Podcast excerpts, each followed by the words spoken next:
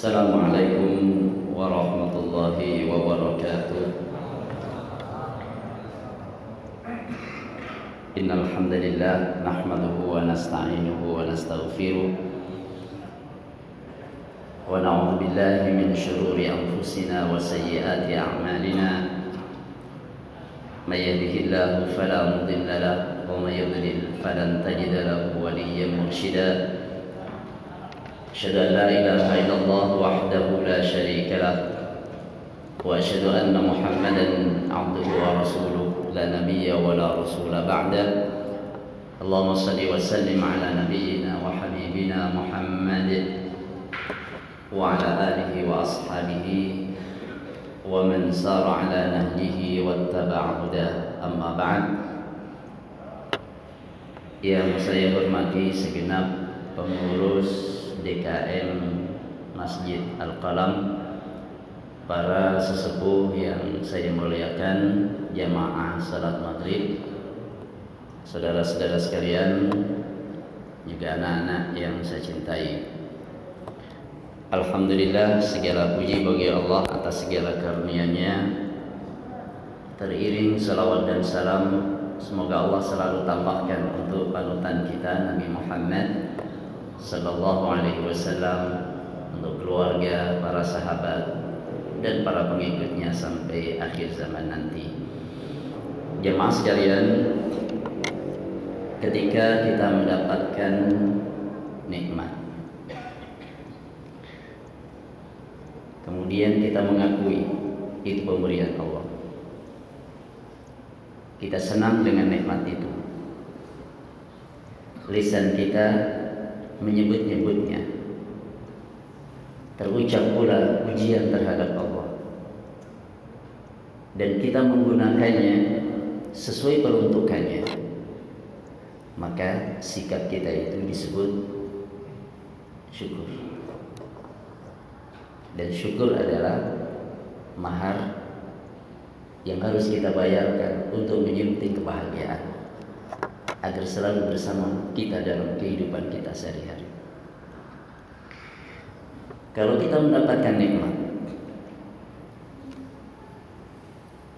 dan kita ingin agar orang lain, agar saudara kita juga mendapatkan nikmat yang sama, maka sikap itu disebut an-nushu atau an-nasihah. Karena esensi daripada nasihat itu adalah iradatul khair lil ghair, menginginkan kebaikan untuk orang lain. Kalau saudara kita mendapatkan nikmat, kemudian kita ingin memiliki nikmat yang sama dengan saudara kita itu, tanpa ada keinginan nikmat itu lenyap dari saudara kita. Kita ingin seperti dia. Kita suka dia dengan nikmat itu dan kita ingin mendapatkan yang sama dengan dia. Yang demikian itu disebut ghibtah. Secara bahasa kadang disebut hasad, tapi hasad lughatan menurut bahasa saja. Tapi intinya adalah ghibtah, menginginkan kebaikan sebagaimana kebaikan yang diperoleh oleh orang lain. Dalam konteks ini maka Rasul bersabda la hasada illa fitnataini. Tidak ada hasad kecuali dalam dua hal. Artinya di sini adalah ingin seperti orang lain itu. Yaitu pertama orang yang Allah beri Al-Quran Ia membacanya siang malam Dan yang kedua orang yang Allah beri harta Dan menginfakkannya siang malam Kita pingin macam itu Kepingin macam itu disebut ghibtah akan tetapi kalau ada orang lain mendapatkan nikmat Kemudian seseorang tidak suka Orang itu dapat nikmat. Dengan kata lain sedih melihat orang lain bahagia. Bahkan berusaha Dan berkeinginan Ia berkeinginan dan mengupayakan agar nikmat itu lenyap dari orang tersebut Maka itulah yang disebut dengan hasad alias dengan Dengki ini penyakit hati. Kalau kita mau terapi di mana? Ada klinik dengkinya. Sudah ada belum klinik dengki di komplek kita?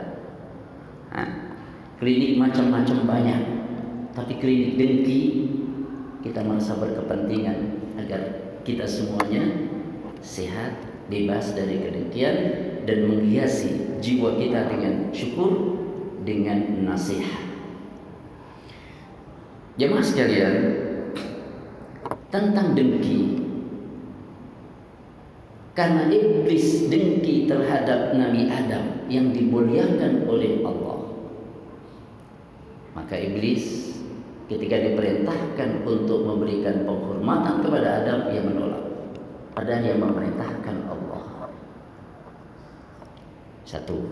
Yang kedua, sebagai contoh Qabil membunuh Habil. Kenapa? Karena dengki. Korban Habil diterima Allah, korban Qabil tak diterima. Innama yataqabbalu Allahu minal muttaqin. Allah hanya berkenan menerima dari orang-orang yang takwa. Motivasinya adalah ketakwaan kepada Allah. Nabi Yusuf dibuang oleh saudara-saudaranya. Kenapa? Karena saudara-saudaranya dengki terhadap Nabi Yusuf.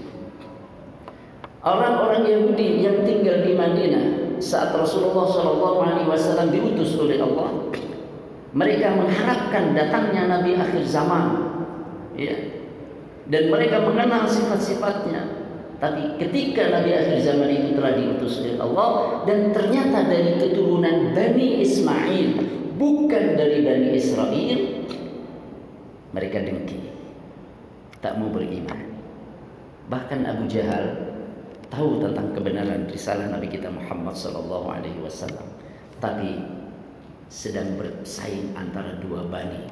Masa di mereka ada nabi, di kita nggak ada nabi. Kami selamanya tidak akan mau membenarkan ajakannya. Itulah bahaya dengki. Apalagi baginda Nabi kita Muhammad sallallahu alaihi wasallam telah bersabda dalam hadis antara yang diriwayatkan oleh Imam Abu Dawud iyyakum wal hasada. Jauhilah oleh kalian akan dengki. Kenapa? Fa innal hasada ya'kulul hasanat kama ta'kulun narul hatab. Karena sesungguhnya dengki itu akan memakan amal-amal kebaikan sebagaimana api memakan kayu bakar. Dalam riwayat lain al-ush memakan rumput Sebanyak apa pun rumput, sebanyak apa pun kayu bakar, cukup dengan api yang mulanya kecil, maka akan habis dilahap oleh api, dilalap oleh api. Demikian Rasulullah memberikan tamsil, amal banyak dilakukan oleh seseorang. Tapi kalau ia memelihara penyakit dengki dalam jiwanya, maka kedengkian ini akan menghabiskan amal-amal salehnya. Udah capek-capek habis saya maka kita berkepentingan untuk menterapi penyakit dengki. Juga dalam hadis yang lain diriwayatkan Imam Ahmad, diriwayatkan oleh Imam Abu Dawud, diriwayatkan oleh Imam Tirmidzi. Imam Tirmidzi mengatakan hadis ini hasan. Rasulullah sallallahu alaihi wasallam memperingatkan, "Dabba ilaikum da'ul umam al-hasad wal baghdha." Merayap ke tengah kalian penyakit bangsa-bangsa yaitu dalam riwayat yang disebutkan qablakum bangsa-bangsa sebelum kalian yaitu al-hasad wal baghdha kedengkian dan kebencian. Hiya al-haliqah ia itu adalah pencukur. Pencukur. Kita sering ke tukang cukur kan? Tapi urusannya bukan cukur rambut ini. Rasul bersabda la aqulu tahliqus sya'r aku tidak katakan pencukur rambut melainkan walakin tahliqud din akan mencukur agama agama seseorang yang dijaga keimanan seseorang yang dijaga yang hendak istiqomah di atasnya kalau pada waktu yang sama ia memiliki sifat dengki kedengkian ini akan memangkas keimanannya memangkas keislamannya mencukurnya.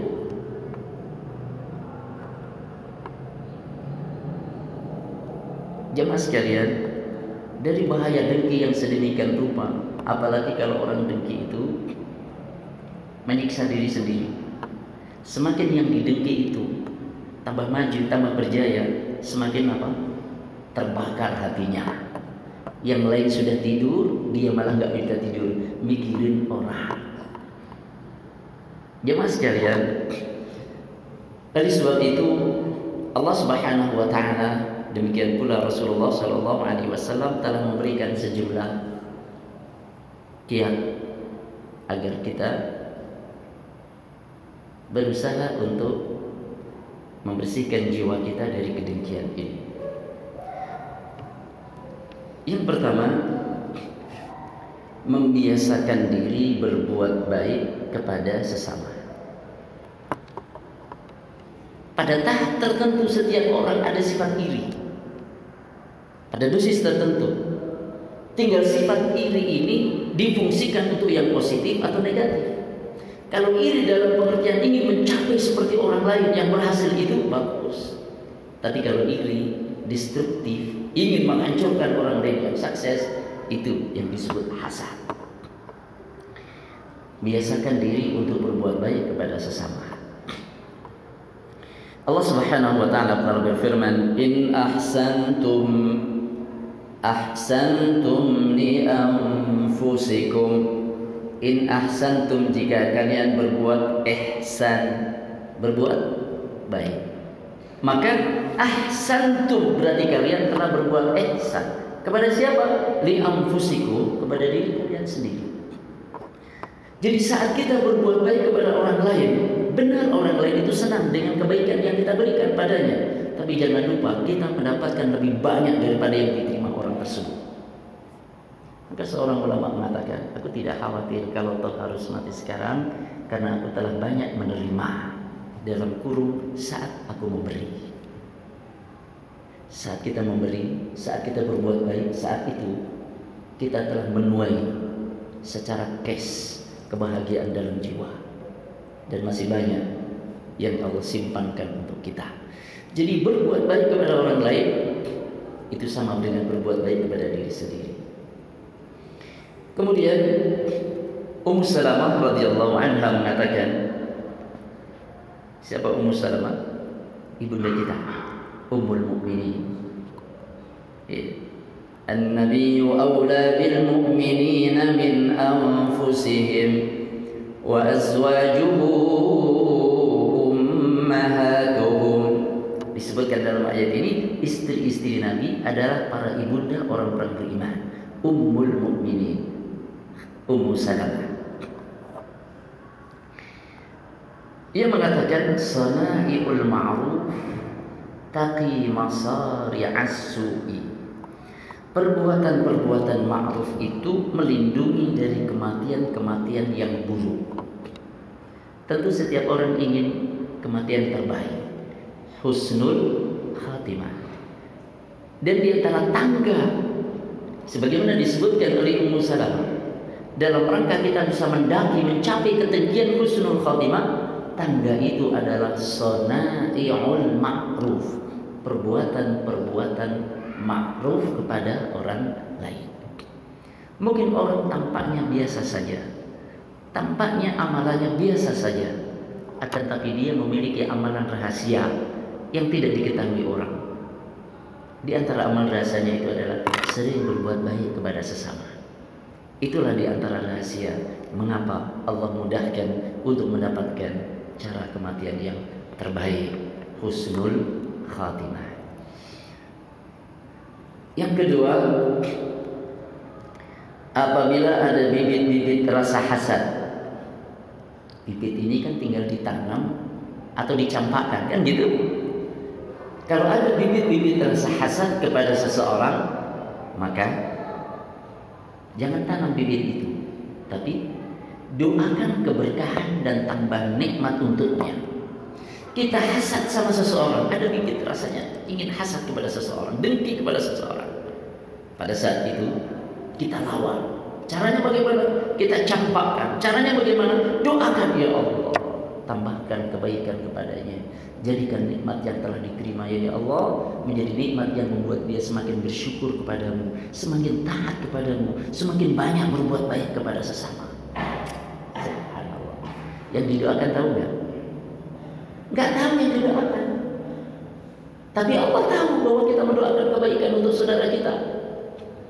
Dan tidak ada lagi dalam hadis yang diriwayatkan oleh Imam Muslim bahwa kalau seseorang mendoakan saudaranya, saudaranya yang didoakan baik itu tidak tahu, maka Allah kirim malaikat al-muwakkalu bihi malaikat di atas yang mengatakan amin wa laka Amin, semoga engkau mendapatkan yang sama.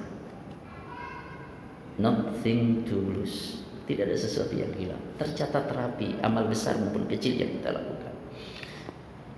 Inilah sabda Rasulullah Man da'a li akhihi bi dhahril ghaib. Siapa yang mendoakan kebaikan untuk saudaranya tanpa sepengetahuannya. Zahir itu punggung, al-ghaib itu ghaib, absen. Di punggung absen. Maksudnya orangnya tidak hadir, tidak tahu kita doakan. Qala al-malakul muwakkalu maka malaikat yang ditugasi mengatakan amin semoga mendapatkan yang sama. Kalau begitu ada bibit-bibit dengki pada seseorang jengkel sama seseorang, ingin menghabiskan nikmat seseorang, ingin mencelakakannya, kita balik.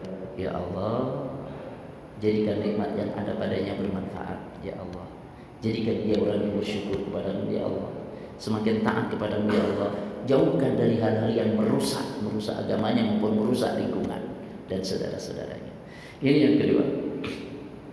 Yang ketiga, biasakan mengucap Masya Allah la quwata illa billah.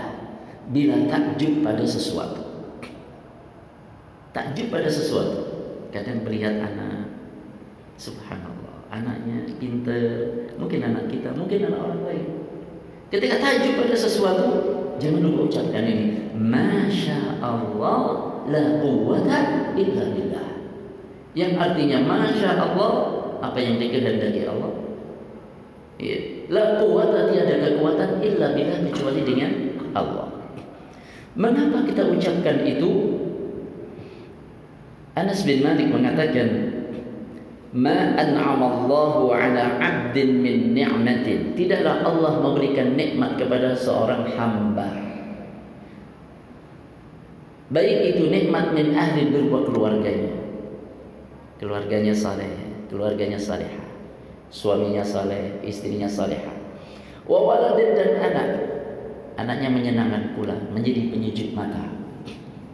Bukan waktu kecil amit-amit kalau sudah gede, eh waktu kecil imut-imut sudah gede, amit-amit. Nauzubillah min dzalik. Kemudian dia mengucapkan Masya Allah Fayaqulu Masya Allah La quwata illa billah fayara fihi afatan dunal maut. Ia tidak akan melihat apa bencana selain kematian. Kalau kematian setiap orang pasti mati. Maksudnya apa? Maksudnya dari ungkapan ini adalah bahwa kalau seseorang melihat kenikmatan, apakah pada keluarganya maupun pada saudaranya, atas kenikmatan itu ia mengucapkan Masya Allah, la quwata illa billah, maka dilindungi oleh Allah dari keburukan dari bencana. Kecuali kematian. Kalau kematian itu sudah tiba waktunya dalam keadaan apa pun seseorang akan meninggal dunia. Ini yang ketiga. Makanya kalau kita lagi di tanah suci lagi di Madinah suka kita lihat itu kan? Mobil-mobil masya Allah la quwata illa billah masya Allah tabarakallah. Tangki-tangki air masya Allah tabarakallah di antaranya adalah jangan sampai ketika mata itu hasad dengkinya itu menjadi sebab keburukan. Jangankan hasad, mata takjub saja, mata takjub saja bukan hasad. Ini bisa berdampak buruk. Bisa berdampak buruk. Semuanya tentunya dengan izin Allah. Makanya lindungi dengan Masya Allah la quwata illa billah. Sampai ingat ketika sedang memimpin jamaah mau melontar jumroh. Saya melihat ada jamaah dari Mesir dipimpin oleh seorang pemuda. Pemudanya gagah, ya. apa namanya mimpi. Kemudian saya sampaikan bahwa Alhamdulillah Allah memberikan kenikmatan pada anda fisik yang kuat bermanfaat bagi orang lain. Dia mengatakan, "Qul masya Allah, qul masya Allah, qul masya Allah." Saya disuruh mengucapkan, katakan masya Allah karena khawatir penyakit lain. Karena takjub itu. Maka saya katakan, masya Allah, la quwata illa billah. Yang keempat, ridho dengan pembagian Allah. Allah nggak salah kasih. نحن قسمنا بينهم معيشتهم في الحياة الدنيا kami telah bagi di antara mereka ma'isyah mereka, penghidupan mereka fil hayatid dunya dalam kehidupan ini wa rafa'na ba'dahum fawqa ba'din dan kami tinggikan sebagian mereka di atas sebagian yang lain Allah tinggikan darajat beberapa tingkatan supaya apa? Liyattakhidha ba'duhum ba'dan sukhriya supaya sebagian terhadap sebagian yang lain saling mengambil manfaat, saling memberi manfaat. Kalau orang kaya semuanya, siapa yang menjadi pembantu? Kalau orang miskin semuanya, siapa yang ngangkat ngasih kerjaan? Eh? Kalau orang apa namanya sehat semuanya, siapa yang berobat ke dokter?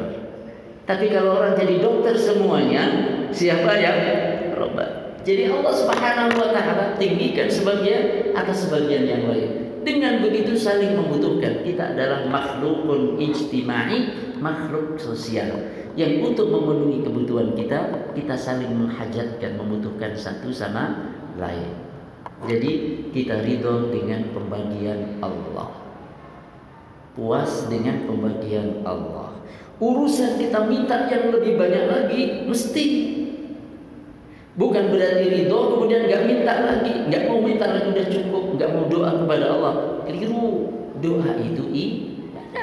Makin banyak doa, makin sayang Allah sama orang makin banyak doa.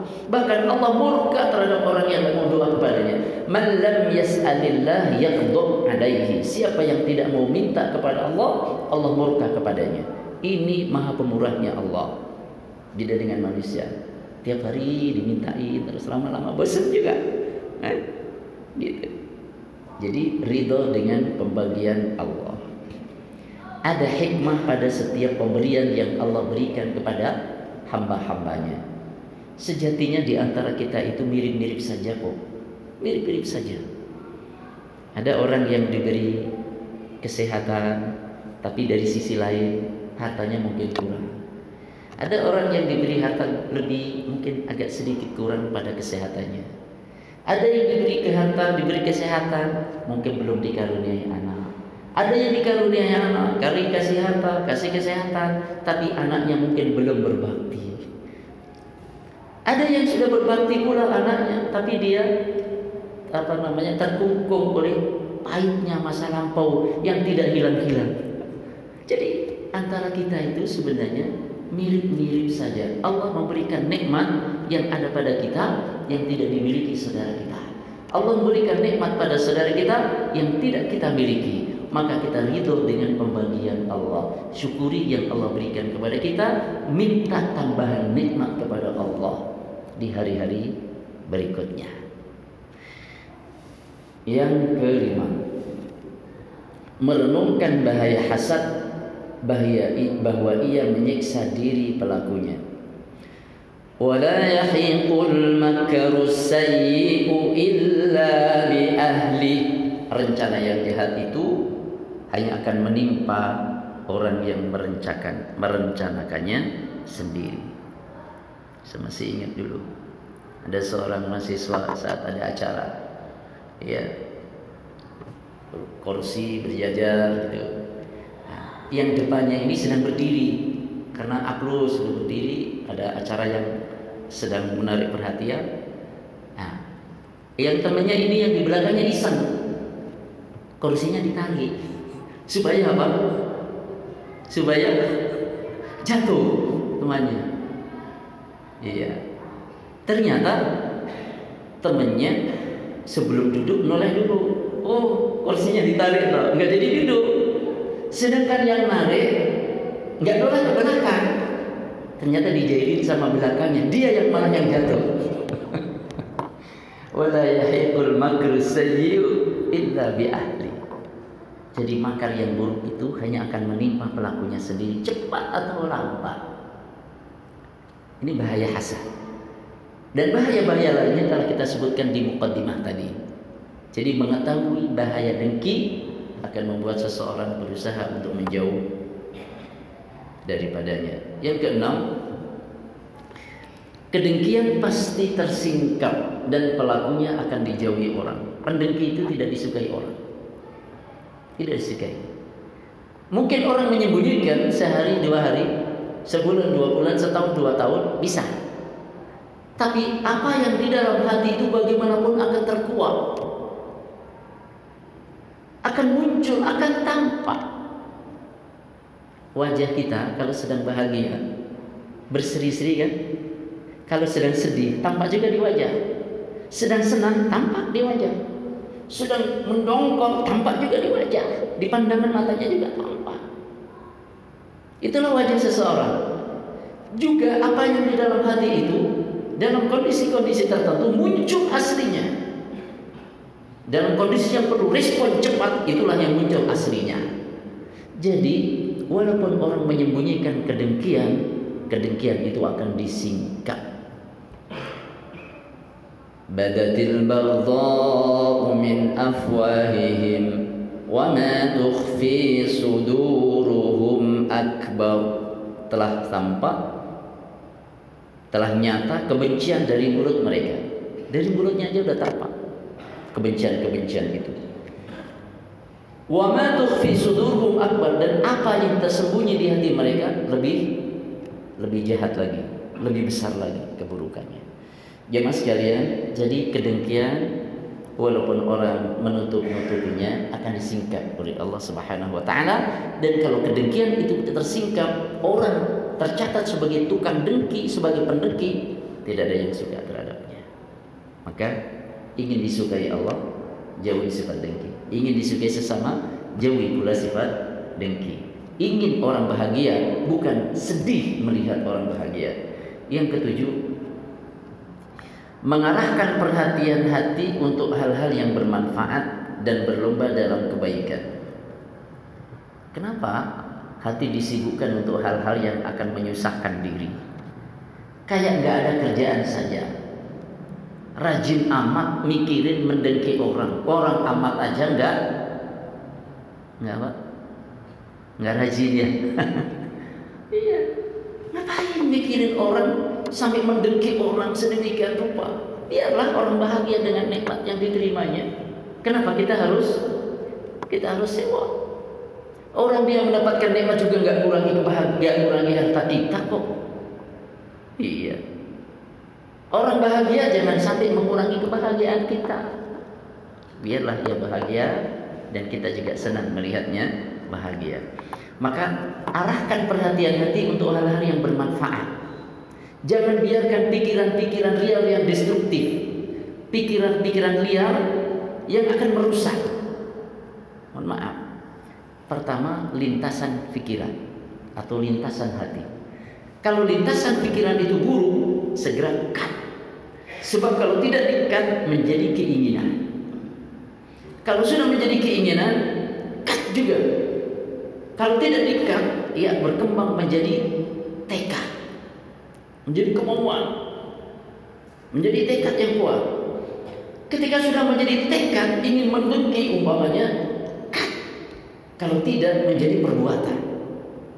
Ya, ia beraksi berupaya bahkan sedemikian rupa bagaimana orang itu lenyap nikmat yang diterimanya.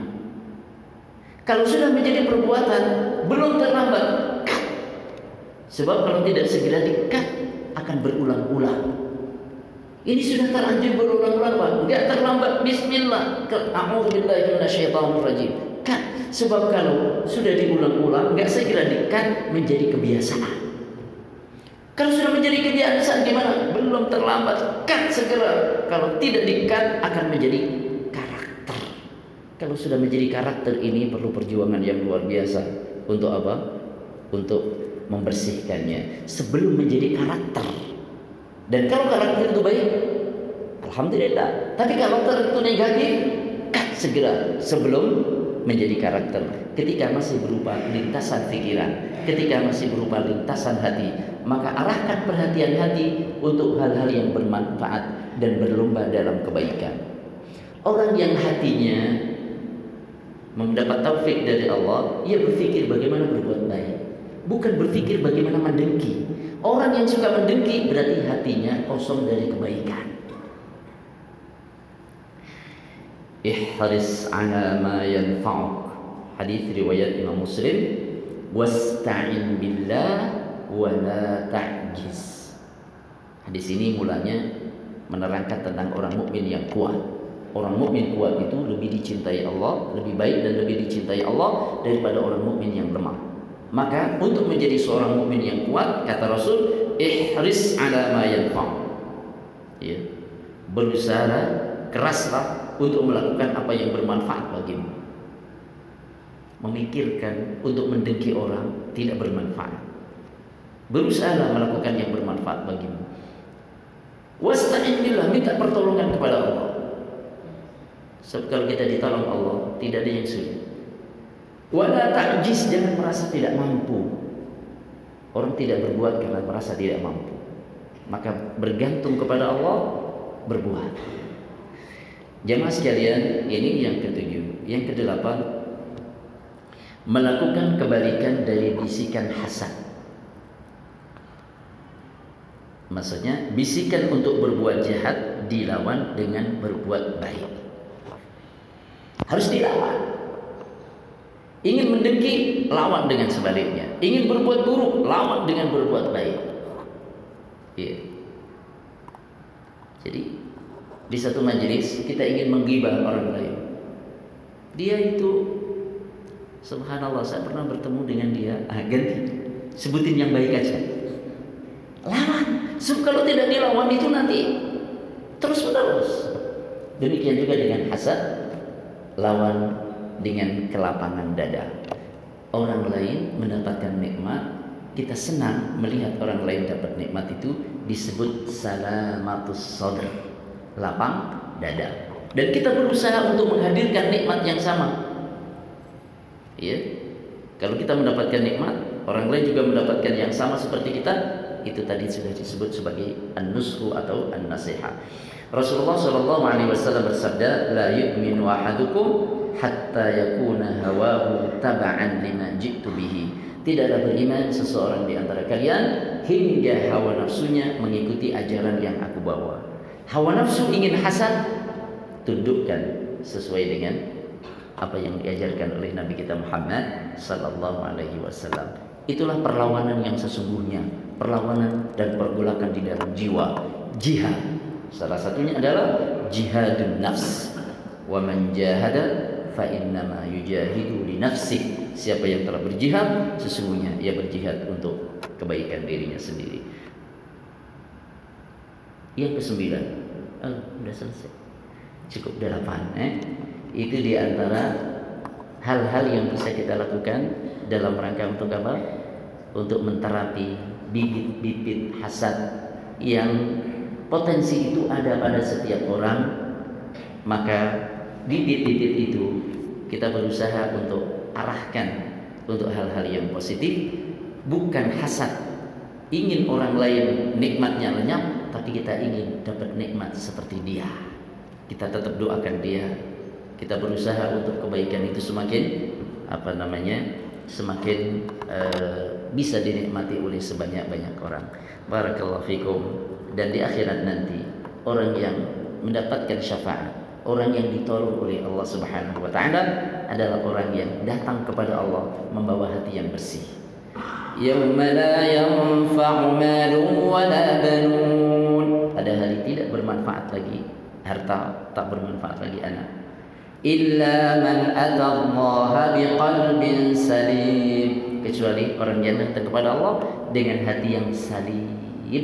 Akalnya salim, bersih. Bersih dari syirik itu yang paling pokok. Kemudian bersih dari penyakit-penyakit hati lainnya, di antaranya adalah penyakit hasad. Semoga bermanfaat. Mohon maaf atas segala khilaf. Assalamualaikum warahmatullahi wabarakatuh.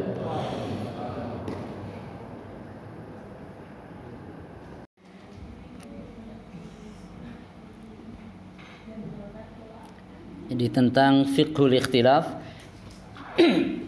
min kitab sahwah al-islamiyah bain al-ikhtilaf al-mashru' wa tafarruq al-madmum dari kitab kebangkitan Islam antara perbedaan yang dibolehkan dan perpecahan yang tercela di Syekh Dr. Yusuf Al-Qardawi. Di dalam kitab ini disebutkan tentang pilar-pilar fikih ikhtilaf. Da'aimu fiqhil ikhtilaf. Pilar-pilar fikih ikhtilaf yang terdiri dari tamhid pengantar ya wa abwabun salasah tiga bab wa khatimah dan penutup jadi eh, format kitabnya yang menggambarkan tentang pilar-pilar fikih ikhtilaf terdiri dari apa tamhid pengantar kemudian berapa? Ada tiga bab dan ditutup dengan khatimah penutup. Kita mulai dari yang pertama, at-tamhid. Dari pengantar, isinya apa? Isinya adalah al-ikhtilaf wa anwa'uhu wa asbabuhu. Ikhtilaf macam-macamnya dan sebab-sebabnya. Ya, jadi macam dan sebab terjadinya ikhtilaf. Ini di pengantarnya. Mengapa terjadi ikhtilaf? Apa sebabnya? Nanti beliau di situ sebutkan tentang sebab yang terkait dengan khuluqiyah dengan akhlak ada sebab yang terkait dengan fikriyah pemikiran. Kemudian dua bab al-babul awal ya. Mana? Fihi faslan. Ada dua fasal al-faslul awal fasal yang pertama al-ittihad wa tarabutu diniyah jadi persatuan dan saling menguatkan ikatan adalah kewajiban agama. Jadi dengan kata lain persatuan itu wajib. Gitu. Kemudian disampaikan di situ tentang ayat-ayat hadis-hadis Nabi yang menegas tentang wajibnya persatuan, ukhuwah, saling mencintai. Kemudian pasal yang kedua tafarruqul ummah laisa qadaran laziman wala daiman. Perpecahan umat bukanlah satu ketentuan yang terus-menerus. Bukan ketentuan yang mengikat dan tidak pula terus-menerus. Maksudnya begini. Jadi setelah pada pasal pertama ditegaskan bahwa persatuan itu wajib, ayatnya, hadisnya, penegasan para ulama memahami tentang ayat dan hadis tentang persatuan itu kemudian melihat kenyataannya di tengah umat masih banyak nggak terjadi perpecahan eh? masih banyak terjadi perpecahan nah, untuk melihat masih adanya terjadi perpecahan di kalangan umat itu maka beliau berikan pasal yang kedua ini bahwa perpecahan yang terjadi di kalangan umat itu bukan merupakan takdir yang mengikat dan akan berlaku terus-menerus. Sebab kalau orang berpandangan bahwa ini sudah takdirnya memang begini, ya kita sudah nggak bisa lepas nih, maka orang tidak akan berpikir untuk bersatu. Memang takdirnya udah begini kok kita harus tentang perenang satu sama lain, enggak. Maka beliau tegaskan bahwa terjadinya perpecahan itu bukan merupakan takdir yang berlaku mengikat terus dan terus menerus tidak. Artinya apa? Kita dituntut untuk melakukan upaya yang dengan upaya itu maka umat ini menuju kepada persatuan. Jelas ini? Ini pengantar. Makanya fikih ikhtilaf ini tujuan utamanya adalah umat bersatu. Fikih ikhtilaf endingnya apa? Umat bersatu. Walaupun ada perbedaan pendapat, tapi tetap ittihad satu. Ini bab yang pertama. Jelas ini? Ada dua pasal. Ini pengantar penting tentang wajibnya persatuan dan melihat perpecahan yang masih terjadi di kalangan umat ini harus dirubah disesuaikan dengan ketentuan yang ada pada pasal pertama yaitu wajibnya persatuan di kalangan umat. Kemudian bab yang ketiga, karena ada tiga bab. Ketiga kurang satu. bab yang kedua, ad-da'aimul fikriyah li fiqhil ikhtilaf. Pilar-pilar pemikiran fikir ikhtilaf. Pilar-pilar pemikiran dalam fikir ikhtilaf. Maksudnya apa? Apa saja pilar-pilar yang terkait dengan pemikiran yang akan membuat kita memiliki kemampuan pemahaman yang seharusnya dalam menyikapi perbedaan pendapat. Gitu? Wa fihi asyratu fusul. Ada 10 pasal di sini. Maksudnya untuk menyikapi perbedaan pendapat ada prinsip-prinsip utama yang terkait dengan fikriyah. Nanti ada prinsip-prinsip utama yang terkait dengan akhlakiyah. Saya ulangi. Untuk menghadapi perbedaan pendapat, kita harus sikapi dengan apa? Prinsip-prinsip atau pilar-pilar utama yang terkait dengan fikriyah ilmiah tentang keilmuan fikriyah dan ada prinsip-prinsip yang harus kita indahkan pula yang terkait dengan apa amaliyah fikriyah perilaku eh amaliyah akhlakiyah perilaku akhlak Wadih? Jelas?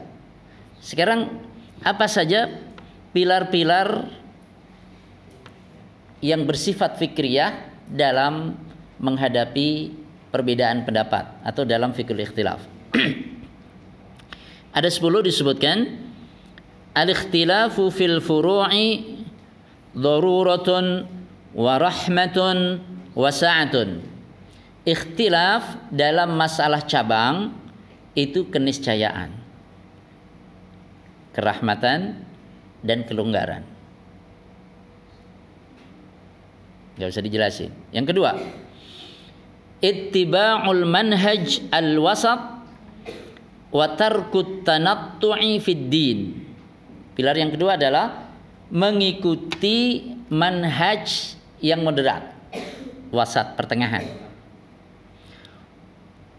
Dan meninggalkan berlebih-lebihan dalam agama sikap berlebih-lebihan dalam agama. Over.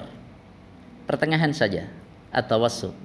Pertengahan di sini adalah antara kekeliruan berlebih-lebihan dan kekeliruan teledor. Teledor juga keliru, berlebih-lebihan juga keliru.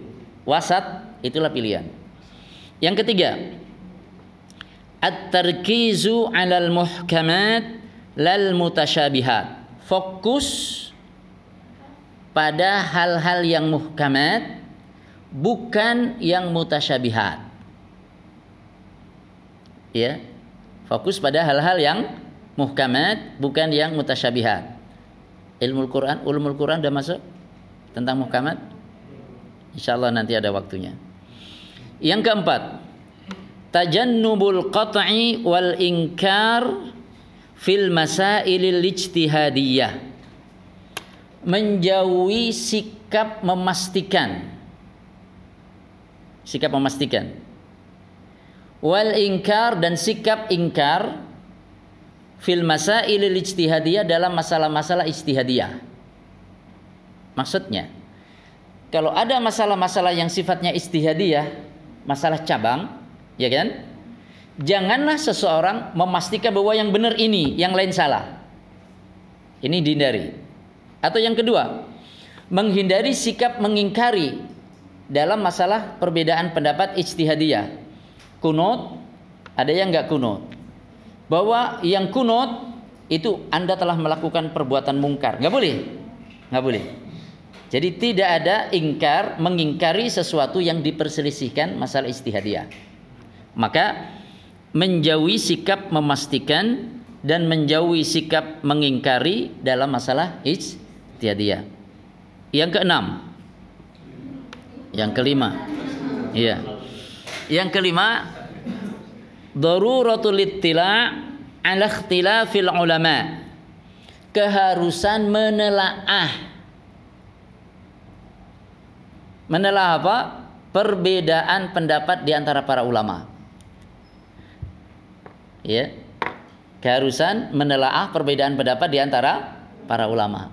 Sebab kalau orang terkungkung dengan satu pendapat, tidak mau melihat pendapat yang lain, ah ini nanti tidak bisa memahami orang lain. Tidak bisa memahami orang lain.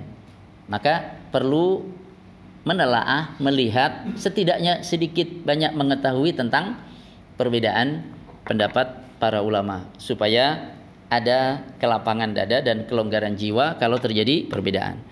Yang keenam, tahdidul mafahimi wal mustalahat. ya tahdid artinya memberikan batasan yang jelas tentang mafahim pengertian-pengertian dan mustalahat istilah-istilah atau uh, ya istilah. Jadi perlu apa namanya memberikan batasan yang jelas tentang pemahaman pemahaman dan istilah-istilah yang digunakan. Masih belum jelas, ya kan? Alhamdulillah, nggak apa-apa. Umpamanya, umpamanya tasawuf. Tasawuf itu bagus apa jelek? Saya ingin suara dari sana, sini. Bagus apa jelek tasawuf?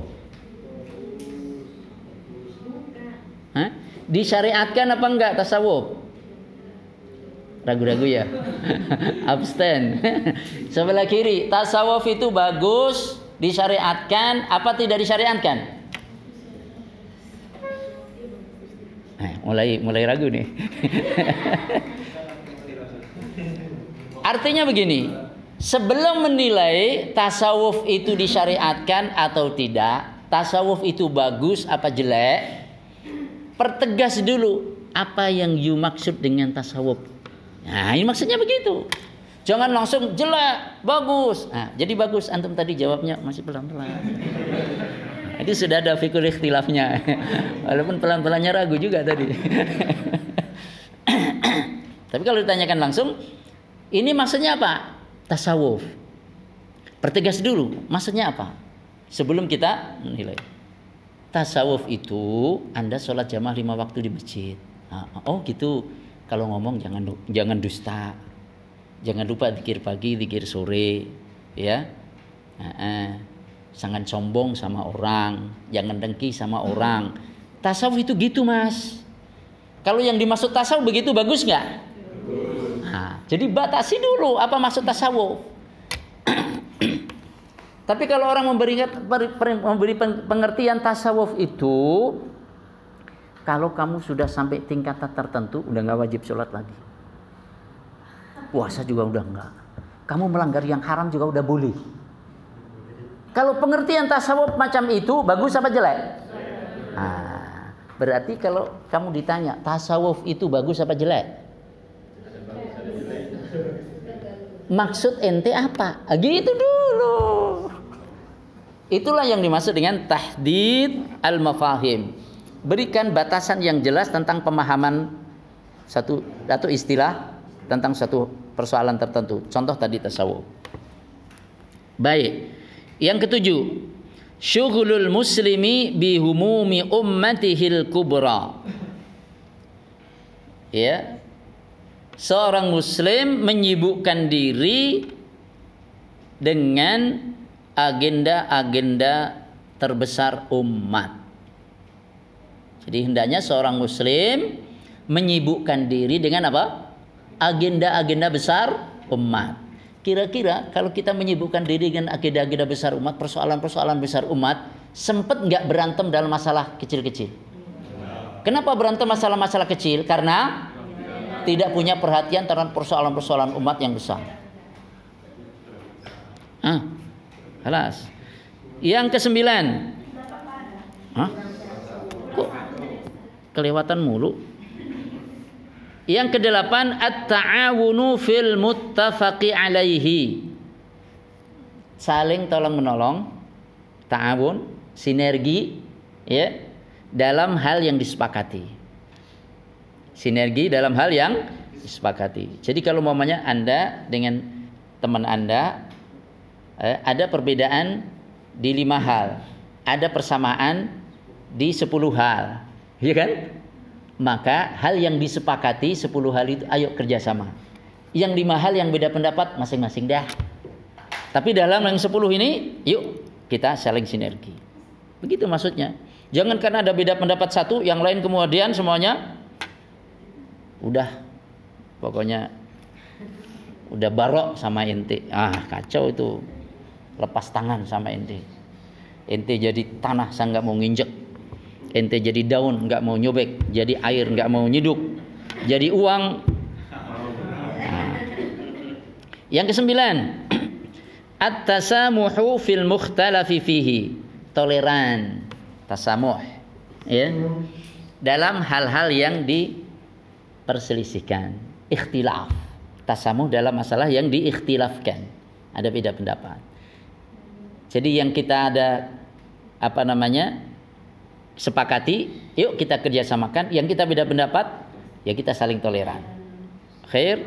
Yang ke sepuluh, al-kaffu amman qala la ilaha illallah, menahan diri terhadap orang yang telah mengucapkan la ilaha illallah. Maksudnya Jaga itu kehormatan orang yang telah mengucapkan la ilaha illallah. Jaga darah orang yang telah mengucapkan la ilaha illallah. Jaga kemuliaan orang yang telah mengucapkan kalimat la ilaha illallah. Jangan apa namanya? Eh, ghibah, dijatuhkan. Lah.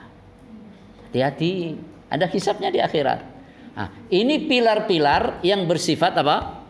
Ilmiah, fikriyah terkait dengan fikul ikhtilaf. Jadi kalau kita mengindahkan pilar-pilar ini, insya Allah perbedaan pendapat tidak membuat perpecahan. Tidak membuat perpecahan, tapi tetap ittihad, bersatu dan saling mencintai. Bab yang ketiga terakhir Al-bab tsalis ad-da'aim al-da'aim al-akhlaqiyah, pilar-pilar akhlak yang terkait dengan uh, perilaku, karakter ya. Li fiqhil ikhtilaf terhadap fikul ikhtilaf. Maksudnya pilar-pilar fikul ikhtilaf yang bersifat akhlak. Kalau tadi kan bersifat apa? Pemikiran. Ini yang bersifat akhlak. Walaupun antara pemikiran dan akhlak ini tidak bisa di apa? Dipisahkan secara ekstrim nggak bisa. Saling berhubungan satu sama lain. Tapi ini untuk memberikan uh, kemudahan maka dipisahkan. Wa fihi fusul. Di dalamnya terhadap terdapat enam pasal. Yang pertama, pilar akhlak yang wajib kita indahkan dalam fikul ikhtilaf al-ikhlas. Ikhlas. Wat tajarrudu minal ahwa. Tajarrudu tajarrud itu artinya berlepas. Ya menyingkirkan hawa nafsu. Al ahwa hawa nafsu. Menyingkirkan hawa nafsu. Sebab kalau orang mengikuti hawa nafsunya nggak akan ketemu. Ya. Mengikuti egonya mengikuti kesombongannya mengikuti ininya. Walaupun akalnya menerima secara pemikiran tapi egonya nggak mau terikat dengan hawa nafsunya, maka tidak bisa dia uh, mewujudkan pilar fikir ikhtilaf, prinsip fikir ikhtilaf yang terkait dengan akhlak ini yang pertama. Yang kedua, at-taharruru minat ta'assubi lil ashkhasi membebaskan diri dari fanatisme terhadap person. Person pribadi. Jangan fanatik terhadap person. Sehingga apa? Personal saklek. Bukan masalah saklek. Apa itu personal saklek?